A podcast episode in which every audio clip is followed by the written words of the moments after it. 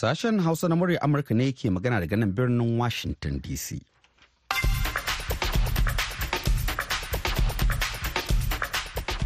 Masu raro barkanmu da asuba da fatan an waye gari lafiya. Suna na Sarfila Hashim Gumel tare nake da Hauwa Sharif da sauran abokan aiki muke kawo muku wannan shirin a yau ranar Litinin 18 ga watan Disamba na shekarar 2023. Kafin ku ji abubuwan da muke tafa da su ga kanan labarai. A jiya lahadi ne shugaba vladimir putin na rasha ya sha albashin sai ya kai rasha ga kasancewa kasa mai cikakken iko da dogaro da kai a idan ƙasashen yammaci. A jiya lahadin shugaban dakarun isra'ila ya ce dakarun na isra'ila sun kama mutane fiye da dubu ɗaya a yaƙin da suke yi da hamas a gaza. Har ila yau jiya lahadin ne hukumomi a pakistan suka rage ƙarfin ayyukan sadarwar yanar gizo na dan wani lokaci tare da toshe manyan kafofin sada zumuntar zamani a daidai lokacin da jama'ar wato jam'iyyar tsohon ɗauraren firaministan ƙasar imran khan ke shirya wani babban taro ta shafukan sada zumuntar zamani To kanan labaran duniya kenan. Cikin shirin za a ji cewa an sako ɗalibai mata biyar na jami'ar dutsen ma bayan da iyayensu suka sha gwagwarmaya. Da suka karɓi waya sai suna requestin cewa mu je mu nemo miliyan biyar biyar. Suka koma miliyan biyu. Muka ce ai mu talaka ne amu da kuɗi. Kuɗin ma da kake ambata ni ban taɓa gani ba. Haka kuma a yau ranar 18 ga watan Disamba jamhuriyar Nijar ke cika shekaru 65 da zama jamhuriya inda shugaban ya yi wa ƙasa jawabi. Grâce aux multiples succès remportés par nos vaillantes forces de défense et de sécurité, ya ce a dalilin nasarorin da dakarun tsaronmu ke samu al'amuran tsaro sun fara daidaituwa sannan a hankali Kamar kowace ranar Litinin muna tafi da shirin ciki da gaskiya inda a yau za mu yi bitar wannan shekara mai karewa wanda zan kawo mana. Amma yan sai a gyara zama a fara sauran kashi na farko na labaran duniya. jama'a assalamu alaikum barkanmu da asuba ga labaran mai karantawa hawa sharif a jiya lahadi ne shugaba vladimir putin na rasha ya sha alwashin sai ya kai rasha ga kasancewa ƙasa mai cikakken iko da dogaro da kai a idan ƙasashen yammaci. Cikin wani jawabin da ya gabatar a yaƙin neman zaɓe da yake yi gabanin zaɓen watan maris mai zuwa da zai ƙara tsawon wa'adin mulkin sa kaiwa shekara ta 2030 putin zai sake tsayawa takara karo na biyar don ci gaba da makalewa a fadar kremlin. A wani zaɓe da ba shi da wani sahihin abokin hamayya da ake sa ran gudanarwa shekaru biyu da kaddamar da mamayar shi a kan ukraine. Vladimir putin mai shekaru 71 a duniya ya ɗare karagar mulki ne a shekara ta 2000 a ƙasar da al'umma da dama ba su san wani shugaba ba sai shi. Akwai yiwuwar ƙuri'ar da za a kaɗa ta bashi dama ci gaba da mulki akalla har zuwa shekara ta 2030 da kuma bashi damar ci gaba da zama a fadar kremlin har sai shekara ta 2036 a jiya lahadi shugaban dakarun isra'ila ya ce dakarun na isra'ila sun kama mutane fiye da dubu ɗaya a yaƙin da suke yi da hamas a gaza. Da yake jawabi ga sojoji a cikin wani yanki da ya sha ruwan bama-bamai. Shugaban hafsan hafsoshin janar hazi halave ya ce idan mayaƙan suka ajiye makamai suka daga hannaye sama ana kama su ne kawai amma ba a harbin su. Cikin wani faifan bidiyo da sojojin suka riƙa yadawa halave ya ce sun samu bayanan sirri da dama daga kamammun da ya ce sun haura dubu ɗaya furucin na halabi na zuwa ne bayan da sojoji suka yi kuskuren harbe yahudawa uku da ke kame da sojojin suka ce sun riƙa daga farar tuta suna ƙoƙarin neman aje a cece su. Har ila yau a jiya lahadi hukumomi a pakistan suka rage ƙarfin ayyukan sadarwar yanar gizo na dan wani lokaci tare da toshe manyan kafofin sada zumuntar zamani. A daidai lokacin da jam'iyyar tsohon ɗauraren firaministan ƙasar imran khan ke shirya wani babban taro ta shafukan sada zumuntar zamani da ba kasafai akan yi irinsu ba. Ƙungiyar tariq el insaf ko kuma pti ta ce an yi taron gangamin ta yanar gizo ne domin mai da martani ga gwamnati wato matakin gwamnati na don kwafar da ma'aikatan jam'iyyu da sauran tarurrukan jama'a da suka shafi zaɓe. Jam'iyyar ta faɗa cikin wata sanarwa cewa dama abu ne da aka zata daga gwamnatin kama karya wadda ba halattacciya ba ta rage ƙarfin kafar sadarwar yanar gizo da kuma haifar da cikas ga duk wata kafar sadarwar zamani a faɗin ƙasar ta pakistan kafin taron gangamin siyasar na tarihi na jam'iyyar pti da aka yi malakabi da jalsa. Da ce wannan shi ya tabbatar da fargabarsu ga ɗimbin farin jini na jam'iyyar pti ta imran khan. Hukumar netblocks mai zaman kanta da ke sa ido kan haƙoƙin kafafen sadarwar yanar gizo da tsaronsu da kuma yadda gwamnati ke tafiyar da su ta tabbatar da cewa lalle an yi wa kafar sadarwar yanar gizo kutse a pakistan. Ana sauraron labaran ne daga nan sashen hausa na murya amurka a birnin washington dc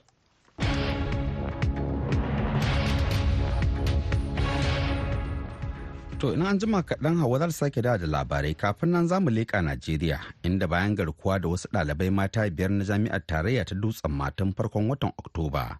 Yanzu haka sun shaƙi iskar 'yanci har ta ga an miƙa su ga iyayensu a yammacin jiya Lahadi a birnin Abuja. Wakilinmu Sani Sha'ibu Malumfashi ya haɗa mana wannan rahoton. Ɗaliban waɗanda ke cike da farin cikin samun 'yanci tare da sake ganin iyayensu abin da kila da sun hidda rai. Suna cikin karsashi da azama.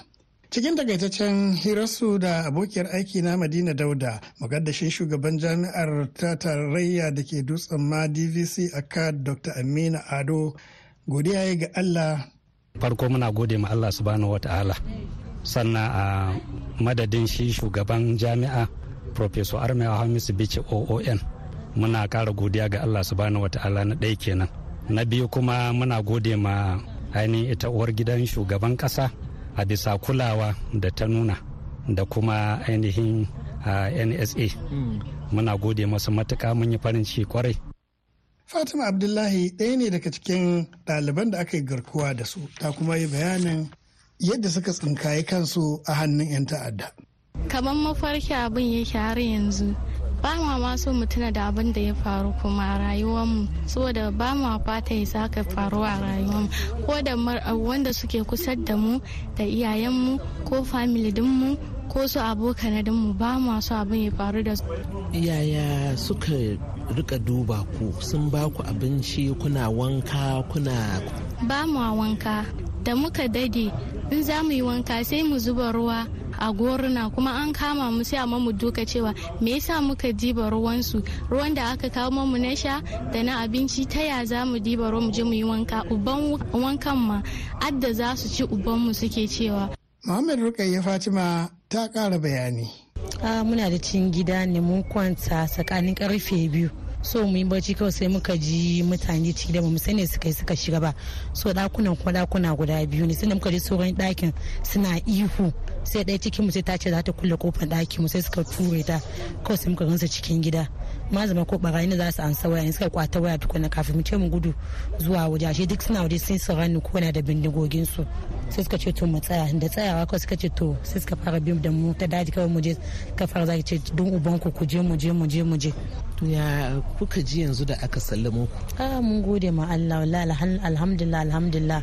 Godiya ma muke ma vice chancellor makarantar mu. Wallahi mutum ne ya taimaka mana. Shi mahaifinta Muhammad Saba ya yi bayani game da iftila'in da ya faɗawa 'ya'yan nasu.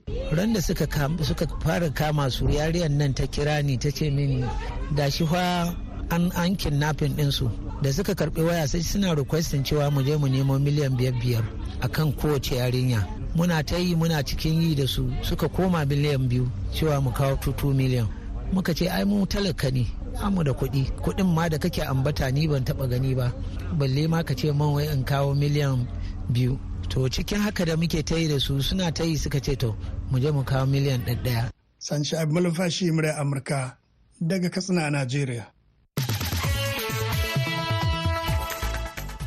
To Allah kyauta a gaida sani sha'abin malumfashi har yanzu dai kuna tare da sashen Hausa na murya Amurka daga nan birnin Washington DC ga hawa ɗauke da kashi na biyu na labaran duniya. Dakarun isra'ila da ke fafatawa da hamas sun ce sun gano wata makekiyar hanyar ƙarƙashin ƙasa da aka gina da kankare da rodi da ba su taɓa gani ba da aka tsara domin jigilar mayaƙan hamas a cikin motoci kai tsaye daga gaza zuwa kan iyaka. Ƙonawa da wargaza hanyoyin ƙarƙashin ƙasa na ɗaruruwan kilomita da sauran ɓoyayyun hanyoyi na daga gurin da yaƙin da isra'ilan ta ƙaddamar bayan da dakarun hamas suka kai ma isra'ilan hari ta yin garkuwa da jama'a a yankin garuruwa da ke kudanci a ranar 7 ga watan oktoba. Daga cikin wuraren da hamas ta take a yayin harin sun hada da kan iyakar erez da ta tsallaka tsakanin gaza da isra'ila kilomita 100 kacal daga wani wurin binciken ababen hawa da ke ɓangaren kudanci wani wuri ɓoye da buhunan ƙasa da dakarun isra'ila suka nuna manema labarai cewa wurin ficewa ne kuma aiki ne na dakarun hamas suka ce hanyar ƙarƙashin ƙasa na da zurfin mita hamsin da faɗin kusan mita uku da tsawo da faɗi da kuma wutar lantarki a cikinta. Shugaba vladimir zelensky na ukraine ya faɗa a jiya lahadi cikin jawabin shi na duk dare ta faifan bidiyo cewa a nan ba da jimawa ba ne ƙasar ukraine da hukumar tarayyar turai za su tantance ci gaban da ukraine ɗin ta samu a tsarin daidaita dokokinta da na ƙungiyar tarayyar turan da kuma samar da wani jadawalin aiki a tattaunawar da ake sa ran yi a shekara mai zuwa game da shigar da ƙungiyar tarayyar turai. Zelensky ya ƙara da cewa a nan da 'yan kwanaki masu zuwa ne ƙasar ta ukraine za ta ƙaddamar da tsarin gudanar da nazarin ci gaban da ukraine din ta samu abin tsarin dokokin tarayyar turan domin tantancewa tare da hukumar ta tarayyar turai. A watan jiya ne hukumar tarayyar turan ta ruwaito cewa ƙasar ta ukraine ta cika huɗu daga cikin bakwai na tsare-tsaren da aka amince da su a tattaunawa kasancewa ukraine a ƙungiyar tarayyar turan da suka hada da ɗaukar jami'an aiki da cin hanci da rashawa da aiwatar da gagarumin sauyi a ɓangaren shari'a da samar da ingantattun dokokin yada labarai da za su yi daidai da na tarayyar turan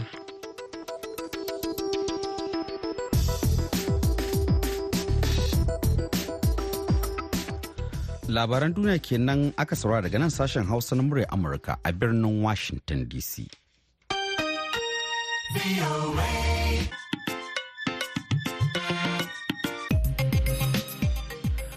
madalla. A yayin da yau ranar litinin 18 ga watan Disamba ƙasar Nijar ke bukukuwan cika shekaru 65 da zama jamhuriya. Shugaban gwamnatin mulkin sojan CNSP, Janar Abdulrahman Chani, ya yi jawabi ta kafafen gwamnati a jajibere domin bita halin da ke ciki a ƙasar a tsawon wannan gwamman shekaru. Yana mai jaddada alwashin samar da mafitar dambarwar da ta biyo bayan juyin mulkin 26 ga watan Yulin 2023. Wakilin murya Amurka a mai Barma ya aiko mana da ƙarin bayani. Sha'anin tsaro na daga cikin muhimman batutuwan da shugaban majalisar cnsp ya taɓo a wannan jawabi na ranar jamhuriya da ke zuwa a wani lokacin da nijar ta tsinke hulɗa a fannin tsaro da tsohuwar ƙasar mulkin mallaka wato faransa inda ya ce tuni aka fara ganin haske a fagen daga. Grâce aux multiples succès remportés par nos vaillantes forces de défense et de sécurité, ya ce a dalilin nasarorin da dakarun tsaronmu ke samu al'amuran tsaro sun fara daidaituwa sannan a hankali. ya ce abu na zahiri shine yadda wasu 'yan gudun hijirar cikin gida suka fara komawa garuruwansu. Haka kuma makarantu kusan 200 sun sake budewa a jihar talaberi bayan da suka kasance rufe a tsawon shekaru kusan biyu sanadiyar matsalolin tsaro. Sannan mun ɗauki matakan samar da tsaro kan hanyar shigo da kayan abinci da magunguna da kuma kuma yadda harkokin yau da kullum suka fara dawowa a yankuna da dama. A cewar sa kafuwar ƙungiyar ios mataki ne na ci gaban kudirin mayar da sahel wani yankin zaman lafiya da jin daɗin rayuwa. A fannin yaƙi da cin hanci janar abdulrahman tani ya ce hukumar kwaldef na nan kan aiki domin buɗe bincike kan badakalolin da take da hurumi a kansu. Yana mai jaddada goyon baya ga mambobin wannan hukuma su yi aiki dangance da rantsuwar da suka yi ta yadda al'umma za ta ba su yarda. Ya ƙara nanata alkawalinsa da na takwarorinsa na cnsp da gwamnati cewa ba za su taɓa baiwa kowa kariya ba. Sanannen abu ne kamarin da cin hanci ya yi a wannan ƙasa na daga cikin manyan dalilan da ya sa suka hamɓarar da gwamnati in ji shi. La commission de lutte contre la délinquance économique. Shugaban gwamnatin mulkin sojan Nijar ya jinjina wa al'ummar wannan ƙasa saboda yadda suka jure wa matsalolin da suka biyo bayan takunkumin ƙungiyar sai da yawo da iyomowa.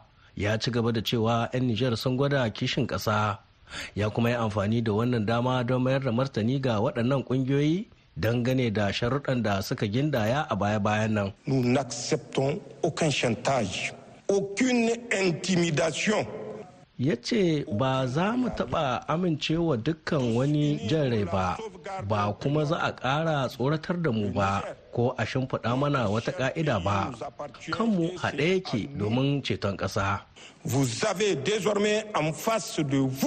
En un peuple qui a pris son destin en main. Janar abdurrahman tani ya sha alwashin yin abubuwan da ke yiwa domin tabbatar da ci gaba samar da tsaro da ayyukan jin daɗin rayuwar jama'a da haɗa kan 'yan ƙasa. Sule mumuni barma muryar amurka daga yamai a jamhuriyar niger a gaida wani barma wannan shirin na zuwa muku ne daga nan birnin washington dc akan mitoci 19,31,49,60 sai kuma kilo hasbu 1,530 a matsakaicin zango. Ga masu mu a jamhuriyar Nijar za ku iya sauraron mu a tashar mu ta VOA Africa akan mita 200.5 zangon FM. A nan da yi Washington DC a na cewa ƙarfe 12 da minti 15 na dare yanzu kuma mu haɗa shiri na gaba.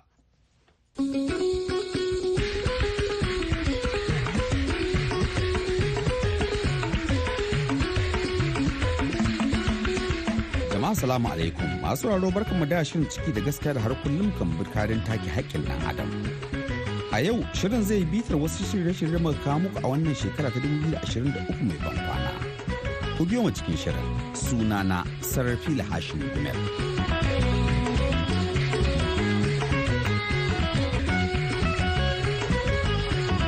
Gabannin kammala wa'adin mulkin tsohon shugaba muhammadu buhari watan mayun 2023 mun kawo muku labarin muhammad bi alhassan na kamfanin fahama wanda ya ba da labarin makalewar kudinsa daga ƙetare kimanin naira tiriliyan goma sha bakwai inda aka ga takardar shigar da kara a kotun tarayya ta Legas daga tsohon ministan shari'a abubakar malami. Ƙarshe dai kotu ta kori karar amma kuɗin sun ci gaba da makalewa duk da lauyoyi sun gano an ɓoye kuɗin a babban bankin Najeriya CBN. Muhammad B. Alhassan a lokacin ya nuna takaicinsa ga abin da ya faru da shi. Wannan abin da ake zai taimaka wa kasa. Ko da ce da na zama dan Nijar ne ko na zama dan Ghana ko Cameroon ne. Ai na kawo kuɗi a Najeriya dole da a ƙyale ne ya abin da zan yi. Balle ina dan Najeriya kuma na kawo wanda zan taimaka ma al'umma in taimaka ma kasa kuma me zai sa ana min hasada. Ai cewa ya kamata a bani takardar yabo. saboda haka ni yanzu nan abin da nake so shi a baba buhari yau ya kai sati bakwai kenan da na kawo magana nan ma voa kuma kuna taka rawan gani. Saboda haka ina roko president muhammadu buhari a sake mun kuɗi na saboda allah kai ne ɗaya a najeriya zaka ce a yi kuma za a yi. In ka ce kara a yi ba za a yi ba. Tunda muhammadu ba shi da laifi. Haka nan a shekarar mun kawo muku labarin rasuwar muhammad bello na kamfanin fahazata global a masar wanda tsohon shugaban karamar hukuma abuja abdullahi kandido ya ba wa kwangilar gina jerin shaguna a kuje kan kuɗi sama da naira miliyan 130 ta hannun shugaban apc na abuja abbas baba muhammad bello wanda ya kashe kuɗin kafin alkalami na miliyoyin naira aka waye gari ba kwangilar kuma ba kuɗin kafin alkalamin inda aka ce an yi wa 'yan siyasa hidima da su. Duk da yanzu jam'iyyar pdp ce ke mulkin karamar hukumar abuja Abbas Baba ya ce zai bi kadin kuɗin magadan marigayi Muhammad Bello. Ci gaba ne, kowane shugaba ya zo yana buƙatar ci gaba na al'ummarsa. Mai kalangu ya zo ya samu ayyuka wanda kandido ya fara bai gama ba. Kamar yadda kandido ya samu wanda mika ya fara bai gama ba kuma ya gama su. To na tabbatar da mai kalangu ba zai ce a'a akan ayyukan da kandido ya fara ba tunda na alkhairi ne musamman na jama'a na karkara. kuma sannan alhaji bello da kansa ya faɗa maka a hirar mu ta baya cewa ya yi signing agreement da wannan kamfani a matsayin an ba shi aiki zai yi aiki. To kaga a fitan kandudo bai shafi agreement ɗin da alhaji bello yake da shi da karamar hukumar amak ba.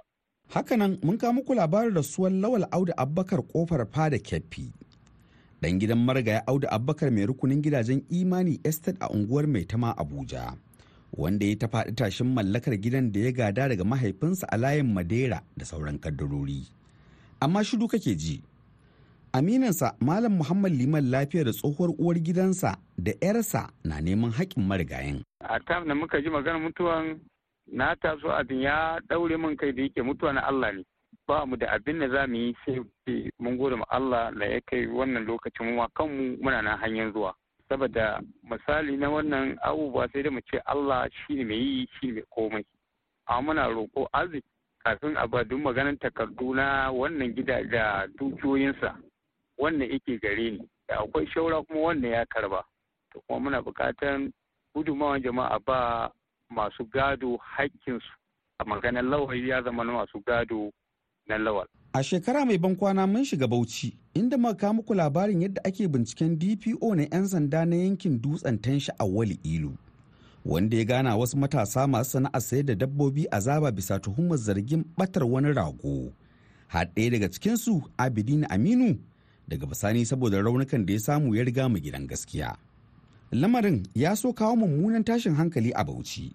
Amma rundunar 'yan sanda ta ce tana bincike bayan samun korafi daga dangi da jami'an kare haƙƙin ɗan adam dan uwan marigayin safuwan muhammad ya ce yana buƙatar diyar ran dan uwansu daga rundunar 'yan sandan da kuma ɗaukar matakan shari'a kan dpo ilu don kar ya ci gaba da hallaka waɗanda ake tuhuma. muna roƙo gwamnatin jihar bauchi da masarautar jihar Bauchi da masu fada ji na jihar Bauchi su shiga cikin wannan al'amari saboda kan ran shi Abidina Aminu ya tafi a banza saboda mun san wane ne Abidina mutum ne mutumin kirki ba mutumin banza ba a iya shekarunsa da yake wannan al'amari ba taɓa samunsa da wani al'amari irin wannan ko makamancin wannan ba ma. Ma'ana me kuke so a yi a nan kenan? Muna son a biya mana diyar ran Abidina Aminu. muna son mahukunta da wanda suke faɗa a ji su shiga cikin al'amarin nan a biya wani diyar ransa. Muna jiran jin sakamakon binciken 'yan sanda kamar yadda kakakin rundunar SP Ahmed Muhammad Wakil ya yi alkawari. A cikin shekarar, shirin ya sauka a unguwar Wata Board da ke Jalingo babban birnin jihar Taraba, inda wata yarinya mai shekaru goma sha uku kacal a duniya mai suna Zainab ta ce malaminta na allo mai suna Hussaini mai guduma wakari. ya yaudare ta ya yi ta fasikanci da ita ba tare da a lokacin ta san me zai biyo baya ba inda ta samu juna biyu bayanan da muka samu zainab ta haifi ɗa namiji da taimakon wasu ƙungiyoyin jin ƙai inda magana ke gaban kotu don bin haƙƙin yarinya wacce marainiya ce zainab ta ce usaini mai guduma ya fara rubuta mata rubutun sha a hannu tana tanɗewa har ya kai ga cibiyarta da sunan za ta iya karatu sosai. Da na koma ne shine sai ta to zai aiki na ƙarshe gani to sai na je sami shi yana daure da kalle ɗayan me falle ɗaya? Zani kalle ɗaya a jiki. Ba riga ba komai zai zai aiki kenan. Eh to rai ne ya fara abu da ɗaki ne ko a wani waje ne a gidansa?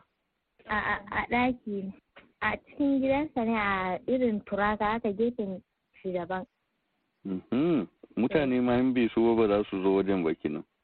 A ba za su zo ba ta kofan baya ma ya ce min na zo na sami.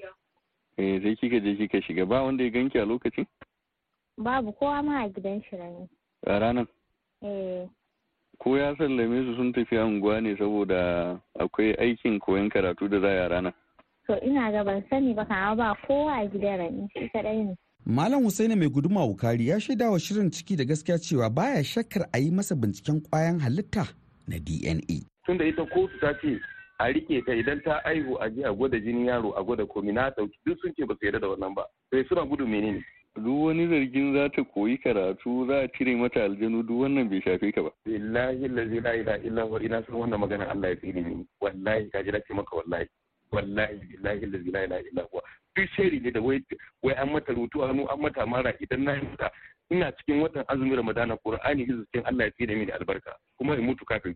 In dai an yi haka da ita. Duk shiri ne wanda ƙungiyar kowane irin ƙungiya da na ga fiskokin yin zana ne a wurin. In ma su suka shirya za ta fito da su wanda suka shirya. Kawai ne abin da na sani kenan amma magana na kotu. Mun kawo muku labarin binciken da rundunar 'yan sandan nasarawa ke yi kan yadda ake zargin wasu mutane takwas a babban asibitin tarayya da ke kefi. Da karɓar miliyoyin naira da sunan sama wa wasu mutane aiki. Amma lamarin ya zama zane kan ruwa. Ministan lafiya dr muhammad ali fati ya kafa kwamiti ya je asibitin inda ya dakatar da dukkan ma'aikatan don kar su yi katsalandan da binciken da ake gudanarwa. Bakwai daga waɗanda ake tuhuma na nan amma ɗaya daga ciki peter dare ya arce ko sama ko ƙasa. Shugaban ma'aikatan asibitin muhammad habibu na goggo na cikin waɗanda ake tuhuma inda yake cewa. To wancan da aka riƙe su akwai transaction evidence ai akwai transaction na kuɗi na transfer na malaysia da aka bibiya kuɗi account ɗinsu su ma sun confess a statement ɗinsu. Ni ma haka na kai account suka ce kai duk na kai musu ban account duka game da suka umarce mu mu yi daga lokaci zuwa lokaci sai ina wurin su. Wato da yanzu kana jiran duk yadda bincike ya yi kenan kawai kai kana sauraro. Na? Eh kana sauraron sakamakon bincike ne kawai yanzu. Eh ko su yan sanda suna bincike federal medical center ma suna bincike eh. su ma 'yan kasuwa da shugaban karamar hukumar kuje a abuja ya ruguza wa shaguna a kasuwar wowo. Sun yi nasara a kotu inda har alkali ya sa a cafke shugaban karamar hukumar abdullahi suleiman sabo. Shugaban 'yan kasuwar da suka tafka asara alhaji batura zaria ya ce har yanzu ba a bi umarnin kotu ba. Kotu ta ba kwamishina 'yan sanda na Abuja umarni a kama shi a kai shi gidan yari. Mun cika duk sharuɗa mun kai musu court order da komi har yanzu da muke magana ba wanda ya kama shi yana nan yana yawan shi.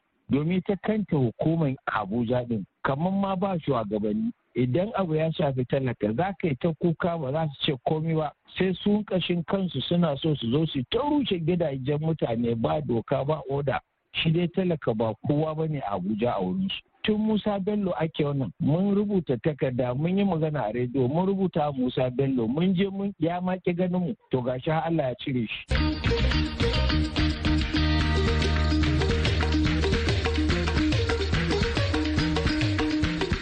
A baɗin Allah ya kai mu shekarar 2024 za mu duba batun wata mata Hadiza matar Salihu direban jami'ar jihar Kebbi. Kan dambarwar rabuwar aurensa a sanadiyar ƙwayoyin halitta genotype da kan sa haihuwar 'ya'ya masu laulayi. Sannan sai labarin wani shahararren malamin Islamu a Gombe Muhammad Kabir Ismail da ya faɗa hannun 'yan damfara har suka nuna masa kamfanin shinkafa na rufa'ida a Kano. Yanzu ya kammala zaman gidan yari amma masu bin sa bashi na jiran su miliyoyin naira sai kuma labarin ibrahim muhammad sojan sama daga kaduna wanda ya zargin ba da wani laifi ba da ya yi aka ce an kore shi daga aiki a abuja masu raro ƙarshen bidar tamu ta yau kenan yanzu a madadin duk waɗanda aka ji su musamman ma nasar adami alhikaya da ya taimaka shirin ya zo gare ku daga nan birnin washington dc nisar fila hashin gumel ke cewa mu kasance lafiya. Wannan kenan yanzu kuma muka zo ga shirinmu na ƙarshe labarai amma fa a taƙaice.